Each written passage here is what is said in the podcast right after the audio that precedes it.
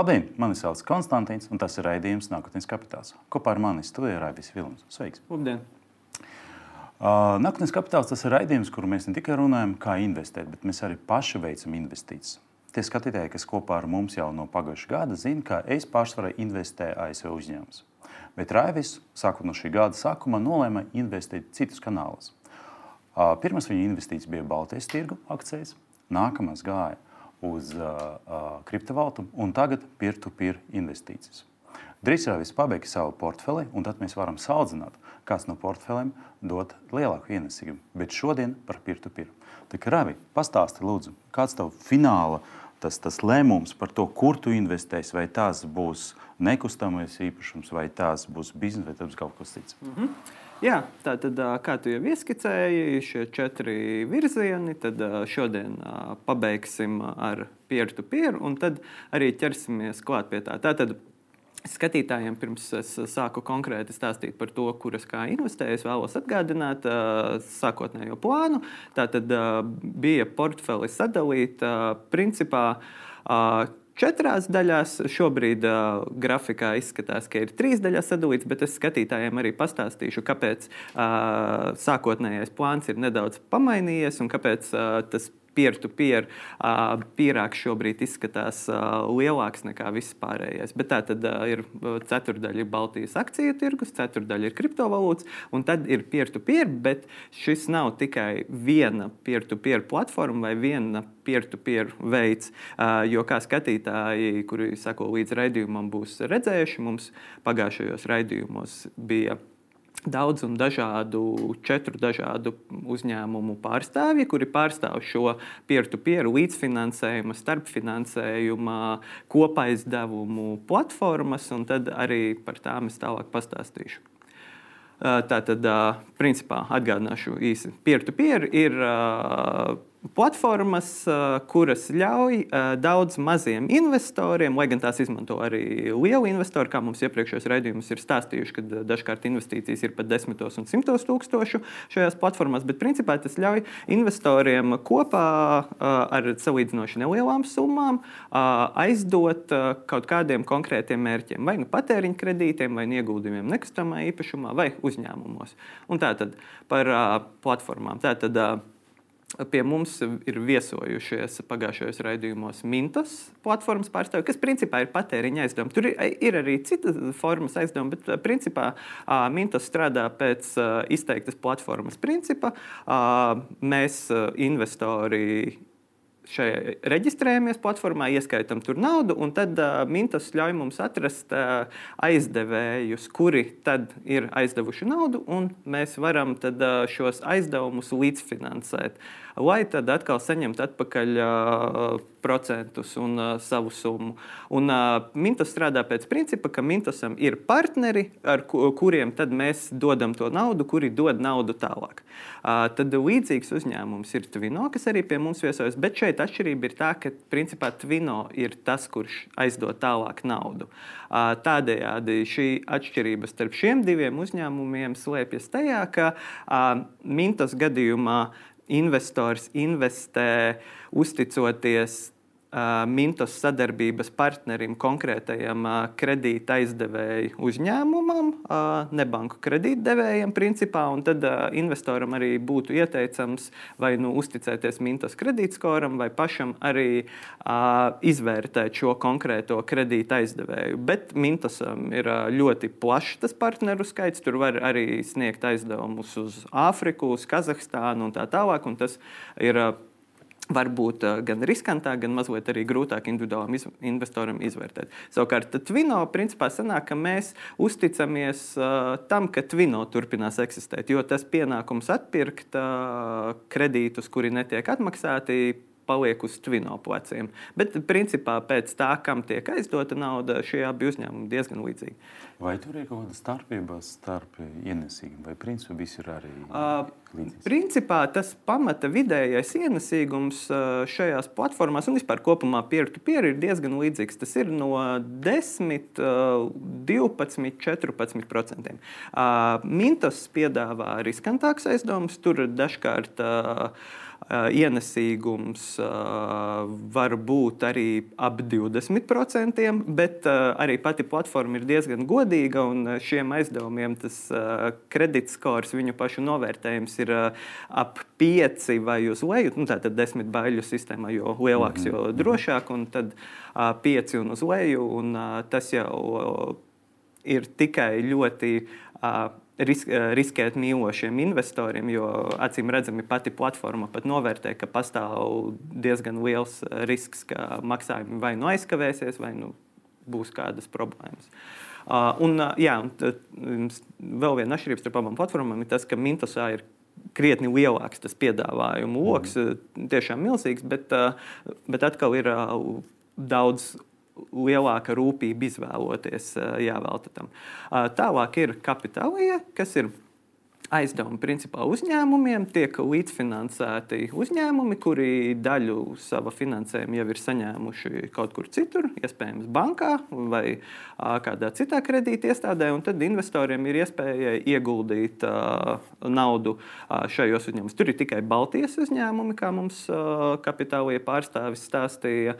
Un, tie pārsvarā bieži vien ir atpazīstami. Un, uh, arī zināmi. Tas ir arī viens no tiem nu, plusiem, ko mums iepriekš daudzi ir stāstījuši. Ka, arī tās mācības, ko mēs paši atkārtojam, ka forši ir ieguldīti tajā, ko tu zini.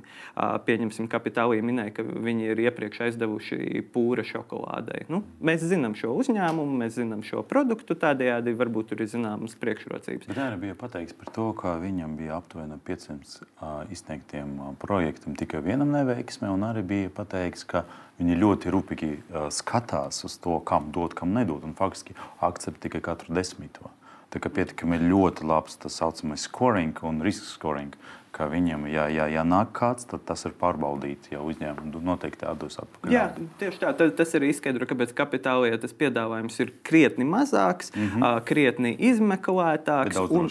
Un, principā drošāks, jā, un arī krietni lielāka summa, tāpēc ka līdz šim slieksnis bija 1000 eiro pirmajai investīcijai. Tātad, kā mums arī Juris Grišins no kapitālajā teica, viņi vēlas investorus, kuri paši spēja izvērtēt uzņēmuma bilanci, uzņēmuma vēsturi sektori un tā tālāk. Bet eh, šobrīd uh, viņi ir uz brīdi, lai piesaistītu jaunus investorus, lai parādītu savu produktu intriģētu, ir nolaiduši līdz 100 eiro, kas arī ļauj uh, man veikt investīcijas tur. Un tad ceturtais. Piedod, es gribu tikai pateikt par to, ka tas nav uz visu laiku. Tas bija jā. uz kaut kāda perioda, aprīlī. Mm -hmm. Jā, tieši tā, un tas ir uz konkrētiem uh, projektiem, kuri sākas uh, šobrīd vai ir sākušies. Uh, un, un tā tālāk. Un tas ir tas pirmais izmēģinājums slieksnis. Pēc tam mums uh, atgriezīsies uh, Jā, un tad ceturtais mums ir estate guru, kas ir aizdevumi nekustamā īpašuma attīstībā pret kredītķīvu, uh, hipotēku precīzāk. Un attiecīgi šie arī ir līdzīgi kā kapitālie darbojas ar līdzfinansējumu principu. Tātad, kā mums pārstāvis teica, vēsturiski tie ir apmēram 60%, ko finansē, proti no summas, no prasītās summas, 40% uh, īpašuma attīstītājiem, projektu attīstītājiem attīstītājiem ir jāsameklē citur. Un tas arī kalpo kā viens no tiem garantiem, ka drošības garantiem, ka attīstītājs ir vismaz spējīgs piesaistīt finansējumu no bankas vai no kādiem citiem aizdevējiem. Un arī jā, šeit e, ir, ja mēs salīdzinām ar patēriņa aizdevumiem, tad arī šeit tas lokus ir nedaudz mazāks, bet es teiktu, guru darbojas starptautiski. Tur var aizdot gan nekustamo īpašumu attīstībā šeit, Baltijā, gan arī citās valstīs, varam uz Vāciju, Spāniju un tā tālāk attīstīt. Un tagad uh, konkrēti par to, ko, kādas ir manas stratēģijas.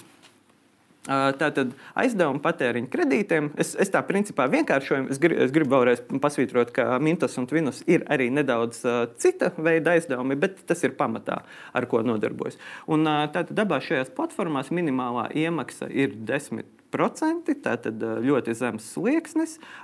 Viegli diversificēt, jo neskatoties to, ka Twino ir tas piedāvājums mazāks, viņš tiek un tā ir pietiekoši liels, lai varētu izveidot diversificētu portfeli. Tur ir plašs klāsts ar aizdevumiem, var izvēlēties. Un uh, ir arī otrreizējais tirgus, attiecīgi, ja uh, pēkšņi ir nepieciešama likviditāte, lai uh, nu, var gadīties, ka jūs vēlaties izņemt savu naudu ārā no aizdevuma un pārdot viņu, tad arī tas strādā. Protams, tas nav garantēts, ka jums izdosies pārdot par to summu, ko jūs vēlaties, bet ir patīkami, ka tas uh, ir pieejams. Vai priekš starta tev nav pareizāk starta tieši tajā otrreizē tirgu? Kā atnāk, tev ir nauda, paskatīs tie, tos, tos, tos piedāvājumus. Mhm. Un no tiem investoriem, kas grib ļoti ātri iziet, tu varēsi nopirkt ar pietiekami lielu diskontu, un tad šajā gadījumā tu varēsi dabūt lielāko ienesīgumu nākotnē. Tā, tā, tā varētu būt. Jā, es uh, esmu domājis, ka es apmēram uh, tūlīt nākamajā svētdienā varu arī pārslēgt. Uh, uh, ir mana investīcija stratēģija šajās platformās, ir, ka es ieguldījumu sadalīšu desmit daļās, un es domāju, ka apmēram puse no šī varētu arī būt tas otrreizējais tirgus, gan intereses pēc, gan arī tieši, kā tu saki, lai varētu nopirkt aizdevumus, kuri ir varbūt lētāki, bet, protams, šeit ir, man būs rūpīgi jāizvērtē, vai tas ir veselīgs aizdevums, vai proti tas nav jau tāds, kurš kavē maksājumus jau varbūt 60 vai 90 mm -hmm. dienas, lai es eh, nejauši nenopirktu tādu. Bet, eh, jā, tā, nu, kā visi grib tikt vaļā? Nu, tie, tieši tā. Tādējādi tā, bū, tā būs daļa no tā. Tātad eh, par investīciju stratēģijām. Uh, 125 eiro es ieguldīšu katrā no abām platformās, tātad Mintos un Twino. Un ieguldījumu es sadalīšu desmit daļās. Es klausīšu principā tam padomam, ko mums platforma pārstāvja teica, kuri teica, ka ir forši labi sadalīt pēc iespējas plašāk, jo tad ir arī lielāka drošība. Ja gadījumā viens no šiem sāk aizkavēties vai ir kādas problēmas ar atmaksu, tad deviņi citi ir diezgan droši. Un tā kā šī minimālā investīcija summa ir ļoti zema, tad šajā gadījumā tas ir ļoti vienkārši. Es arī vēlos to izmantot, lai paskatītos, kā tas strādā.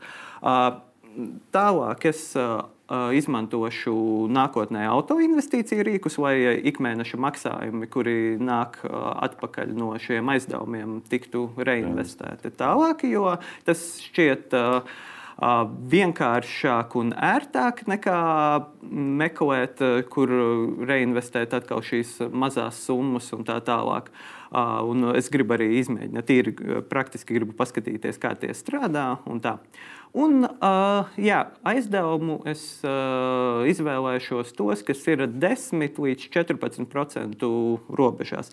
10, uh, tāpēc, ka es nevēlos šajā gadījumā aizdot uz mazāku nekā tas ir nu, vidējais vēsturiskais ienesīgums akcijām un obligācijām, plus mīnus. Tas būtu. Uh, Ka, ka, tad jautājums ir, kāpēc man, jo mhm. gal galā man taču mērķis ir apsteigt tevi tādējādi, man vajag vismaz to pašu summu. Un uh, 14 ir tas.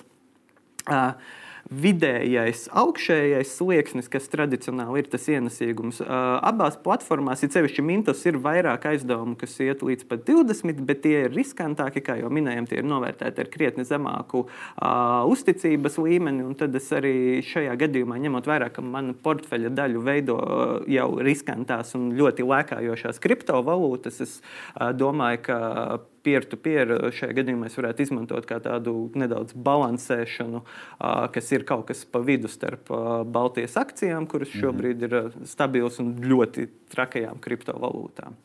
Un šeit ir arī uh, ekrāna šāviņi no tā, kā. Piemēram, Vai bija viegli vispār tur orientēties tajās mhm. platformās? Uh, kopumā jā, tas platformas ir tiešām lietotājiem draudzīgas un it sevišķi uh, Twino un Mintos ļoti cenšas veidot sevi kā pasīvo investīciju rīku. Tev ļoti ātri un skaidri tiek parādītas visas autoinvestīciju iespējas, un atrast arī tos kredītus ir diezgan ērti un tā tālāk. Tā, tā kā jā, kop, kopumā šīs platformas, ja mēs salīdzinām ar kaut kādām uh, finan, sarežģītākām finanšu platformām, kur tur akcijas var pirkt un pārdot, sekot līdzi visādām līknēm un tā tālāk. Tad šis ir krietni ērtāks, krietni arī iesācējiem patīkamāks rīks. Principā šeit Var redzēt, ekrāna šāviņu no Twino, kur uh, uzspiežot manuālas investīcijas, mēs varam ar pāris filtriem izvēlēties, kādās uh, valstīs mēs vēlamies uh, apskatīt iespējamos aizdevumus, kādas procentu likmes, un tad atliek tikai uh, apskatīties termiņu, cik, cik ir atmaksāts vai nav atmaksāts, un uh, nospiest pogu ieguldīt. Un tas pats arī Mintas šeit var redzēt. Uh, trīs aizdevumus no Latvijas. Uh, jā, ļoti, ļoti ērtas, ļoti consumer-friendly svešu valodā runājot. Un tas, tas arī ir tas, uz ko šīs platformas iet, kā mums arī sarunās uh, pārstāvji teica. Vai tur ir kaut kādas lietas komisijas? Jo tev pieminēts, ka, ka nav. Bet vai tas nozīmē, ka tiešām, kad tu 10 eiro investēji, tu nekādu naudu nepazaudēsi? Jā, nē, nav. Šajās komisiju nav.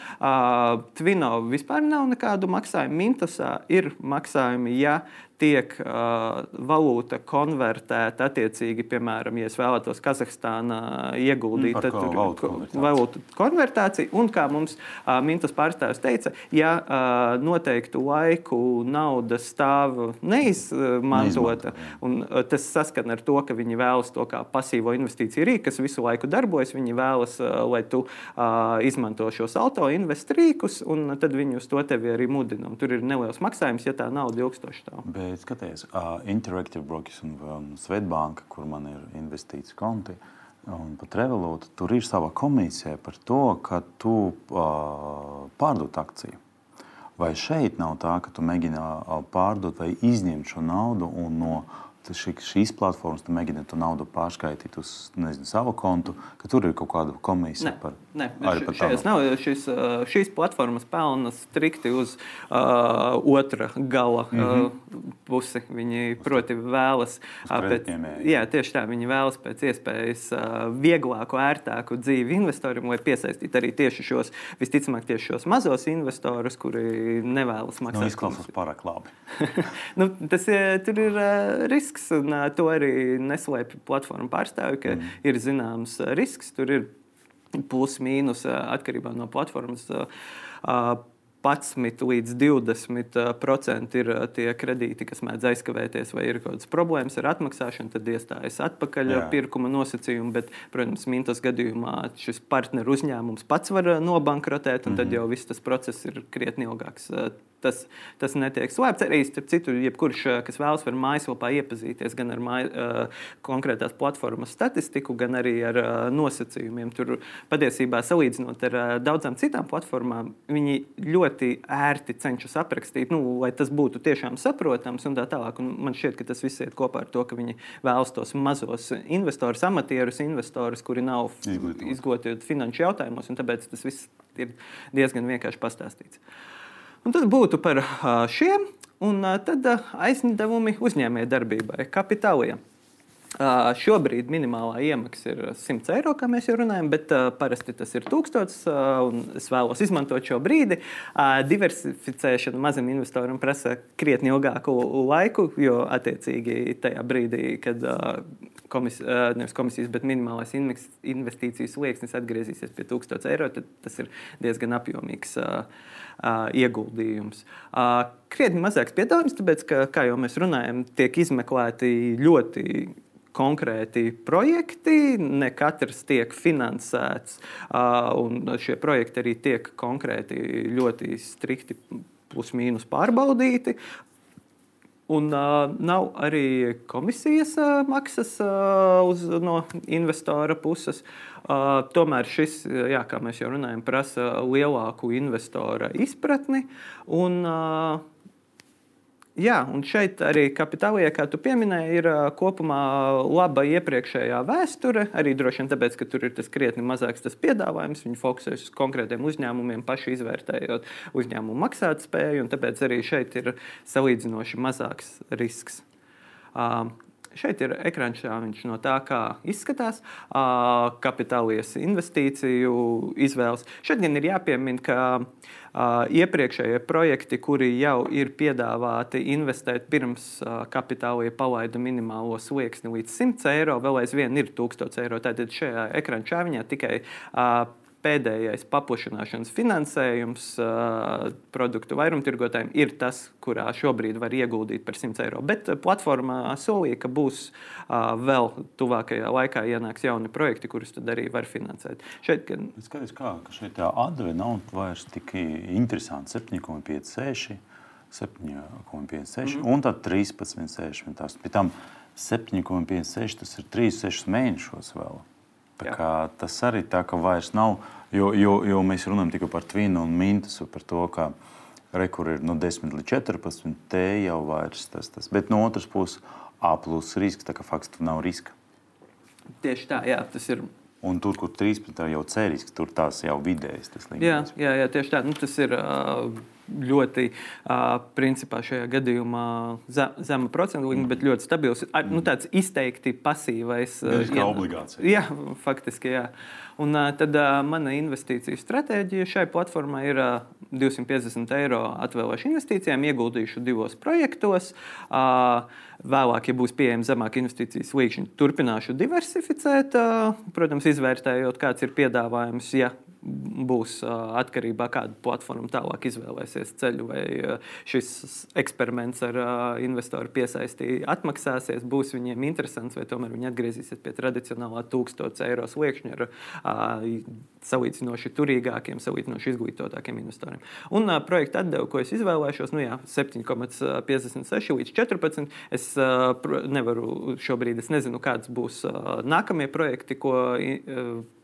Publicēs mājaslapā, vai tie būs ar augstāku procentu likmi vai nē, bet nu, šis ir tas, uz ko es skatos. Un, jā, tātad sadalījums vienā projektā 125 eiro un otrā 125 eiro, jo gluži visas olas likt vienā groziņā negribās. Un, uh, gribas arī uh, paskatīties, kā dažāda veida projekti performē. Jā, bet nu, šeit mazliet ierobežots ar to, ka tev faktiski nav tik daudz izvēles. No otras puses, ja tev būtu parastais tūksto, minimāls 1000 eiro investīcija, tad, tad, tad tu varētu izdarīt daudz vairāk. Un tāpēc, manuprāt, tas ir pietiekami loģiski. Jā, jā tieši tā. Un tad mūsu trešais, trešā sadaļa ir aizdevumi nekustamajā īpašumā. Tātad es teiktu, guru. Minimālā iemaksa šeit ir 50 eiro. Diversifikācija nav tik viegla, ja mēs salīdzinām ar Mintos un Twino, bet, protams, šeit ir lielāka diversifikācija, ja mēs salīdzinām ar kapitālu. Tādēļ, ka 50 eiro un šeit arī ir krietni vairāk projekti, jo, kā jau minēju, State Guru strādā ne tikai ar Baltiju, bet ar Eiropas uh, dažādiem aizdevumiem. Tad ir iespējas investēt arī Vācijā, Spānijā un tā tālāk. Uh, nav komisijas maksas investēt, bet ir neliela komisijas maksa izņemot naudu šajā platformā. Un šeit es teiktu, ka ir pat varbūt dažos gadījumos vieglāk saprotams, kas tiek uh, finansēts. It sevišķi uh, šeit uz uh, vietas, um, ja mēs izvēlamies Latvijas projektus vai Baltijas projektus, jo nekustamā īpašuma attīstība vispār tajā ziņā ir ļoti skaista. Es burtiski, ja es, izvēlos, jā, ja es, ja es gribu Rīgā investēt, es burtiski varu šodien pusdienu laikā aiziet līdz objektam, kur es gribu investēt. Es varu paskatīties, kā tur izskatās, vai tie celtnieki tur man izskatās, ka strādā atbildīgi, vai viss ir kārtībā, vai projekts tev apstājies tādēļ, ka ir cēlušās izmaksas, būvmateriāla izmaksas un tā tālāk.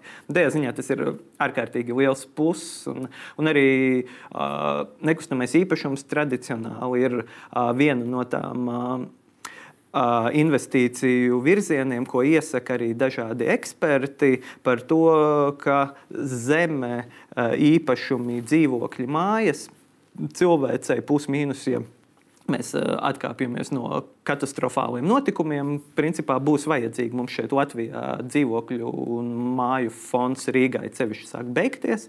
Tādējādi arī investīcijas ļoti labas. Un kā mums teica, guru pārstāvis arī teica, piemēram, tagad eh, ļoti interesanti projekti ir eh, Austrumvācijā, kur parādās cilvēki, kas bēg no kara, no Ukrainas. Tādējādi arī tur parādās pieprasījums pēc īpašuma. Tādējādi tas ir ļoti uh, interesants un ļoti uh, ilgterm, ilgdzīvojošs investīciju veids, kurā ir saprātīgi jaukt.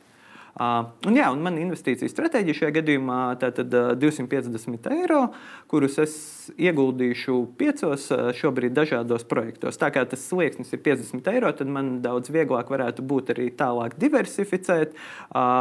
Un projekta atdeve, kas šobrīd ir pieejama no pēdējiem projektiem, ir atkal no 10 līdz 12 procenti. Tad es arī tos izvēlēšos. Un šajā gadījumā mana stratēģija būs visticamāk tāda, ka es izvēlēšos trīs projektus Baltijā.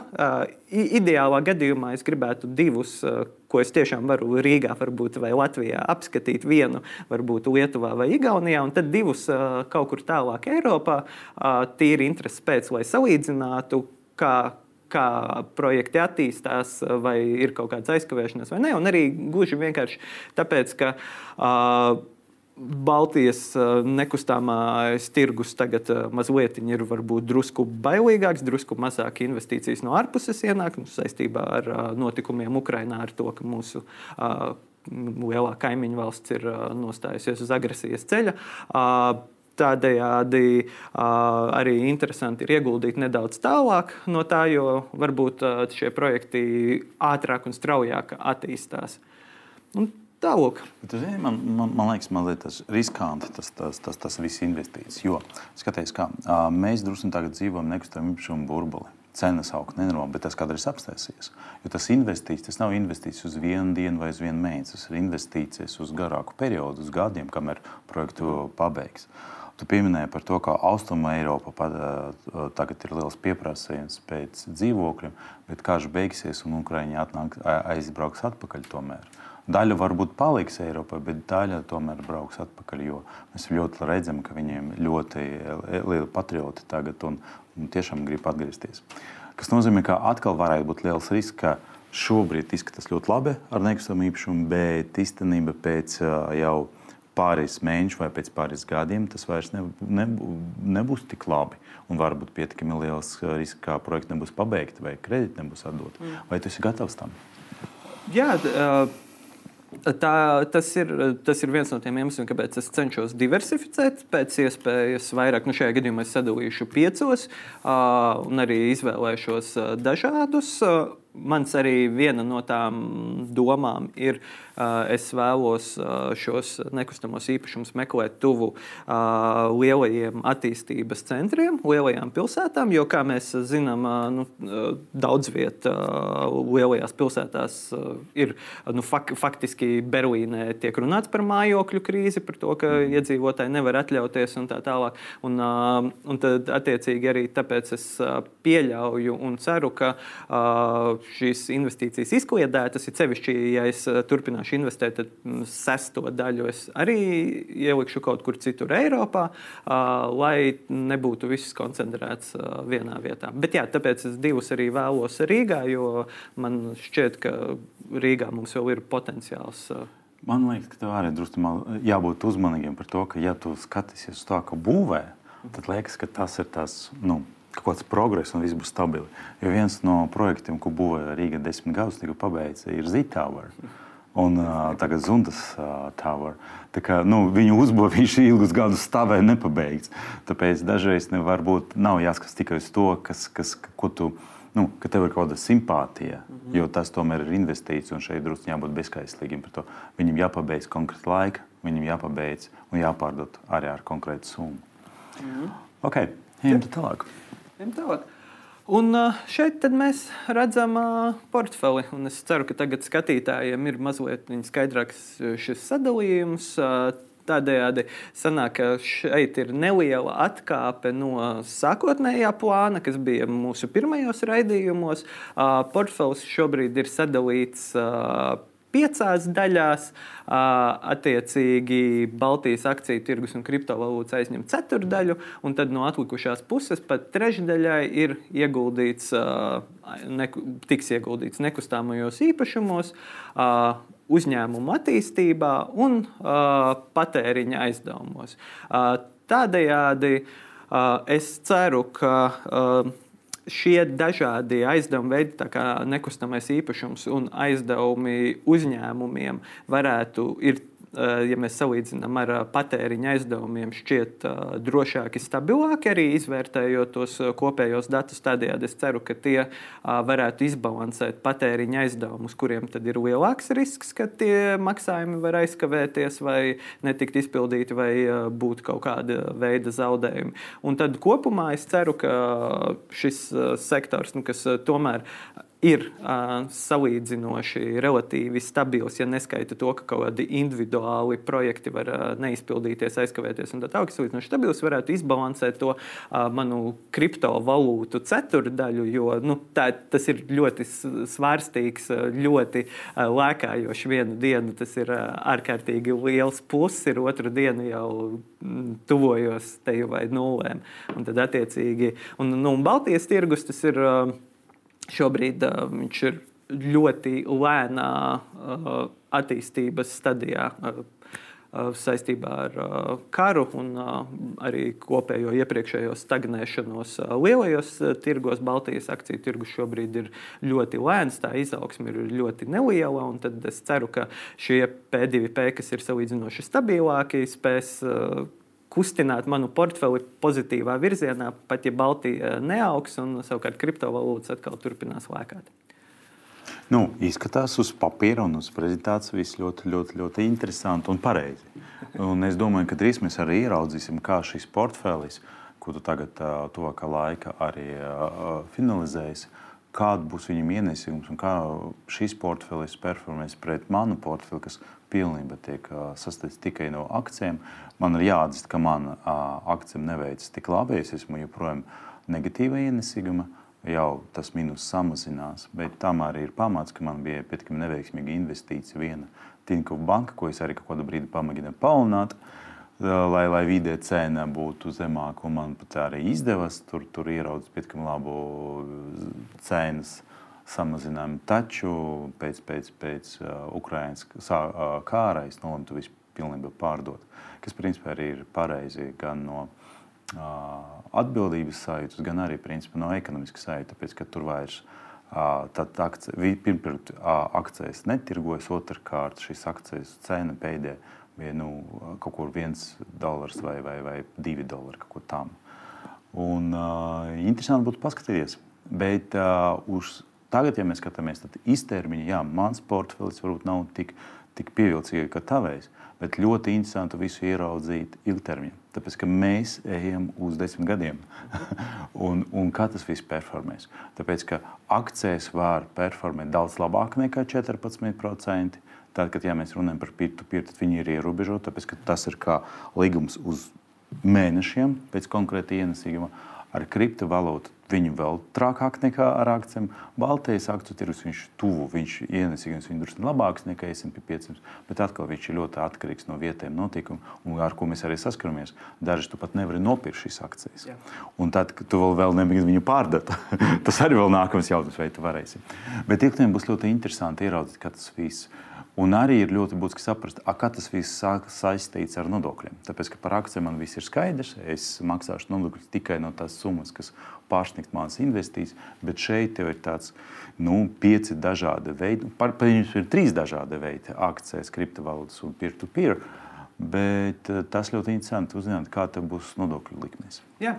Tieši tā. Un, tā kā portfels tuvojas beigām, tad nākošajā raidījumā kopā ar mani būs divas speciālistas no valsts ieņēmuma dienesta, kurām tad es arī uzdošu konkrētus jautājumus par visām savām portfeļa pozīcijām. Proti, kas man kā cilvēkam, kas pirmo reizi faktiski šo visu dara, ir jāņem vērā, kādos periodos, kādos laikos man ir jā jā, no, jānomaksā nodokļi, jāsazinās ar vidi, un kā arī izkontrolēt un pašam saprast, vai, piemēram, šajā gadījumā man ir akcijas Svetbankā, Baltijas uzņēmuma akcijas pirkts, vai tur visas attiecības ir nokārtotas, kā banka solīja, ir investīcija portfels. Kā, principā es centīšos uzdot visus jautājumus, kas mani interesē, un es ceru, ka arī skatītājiem, kuri varbūt arī ir sākuši spērt savus pirmos soļus, lai varētu saprast, kā nokārtot tās attiecības ar valsti, lai kaut kādā brīdī neatnāktu ļoti nepatīkamas vēstules uz pastu vai e-pastu. Starp citu, es gribu atgādināt mūsu skatītājiem par to, ka, ja jums arī ir jautājumi par nodokļiem saistībā ar savām investīcijām, jūs varat uzrakstīt uz nākamais kapitāls ar delfu.lv, un tad mēs iespējams viņu arī iekļausim sarunā ar vīdu. Mhm. Jā, paldies. Es vēlos skatītājiem atgādināt, ka, lai sekotu tam, kā veicas mūsu abu portfeļiem, jūs varat pirmdienās Delfi biznesa sadaļā pēc 2012. meklēt aprakstu. Mēs aprakstam, kā mums iet, kādas ir mūsu stratēģijas, ko mēs esam pa šo nedēļu izdarījuši vai ieplānojuši darīt. Un savukārt raidījumu nākotnes kapitāls jūs varat skatīties Delfi TV pulksten desmitos katru otru dienu vai pēc tam Delfi biznesa pulksten 14.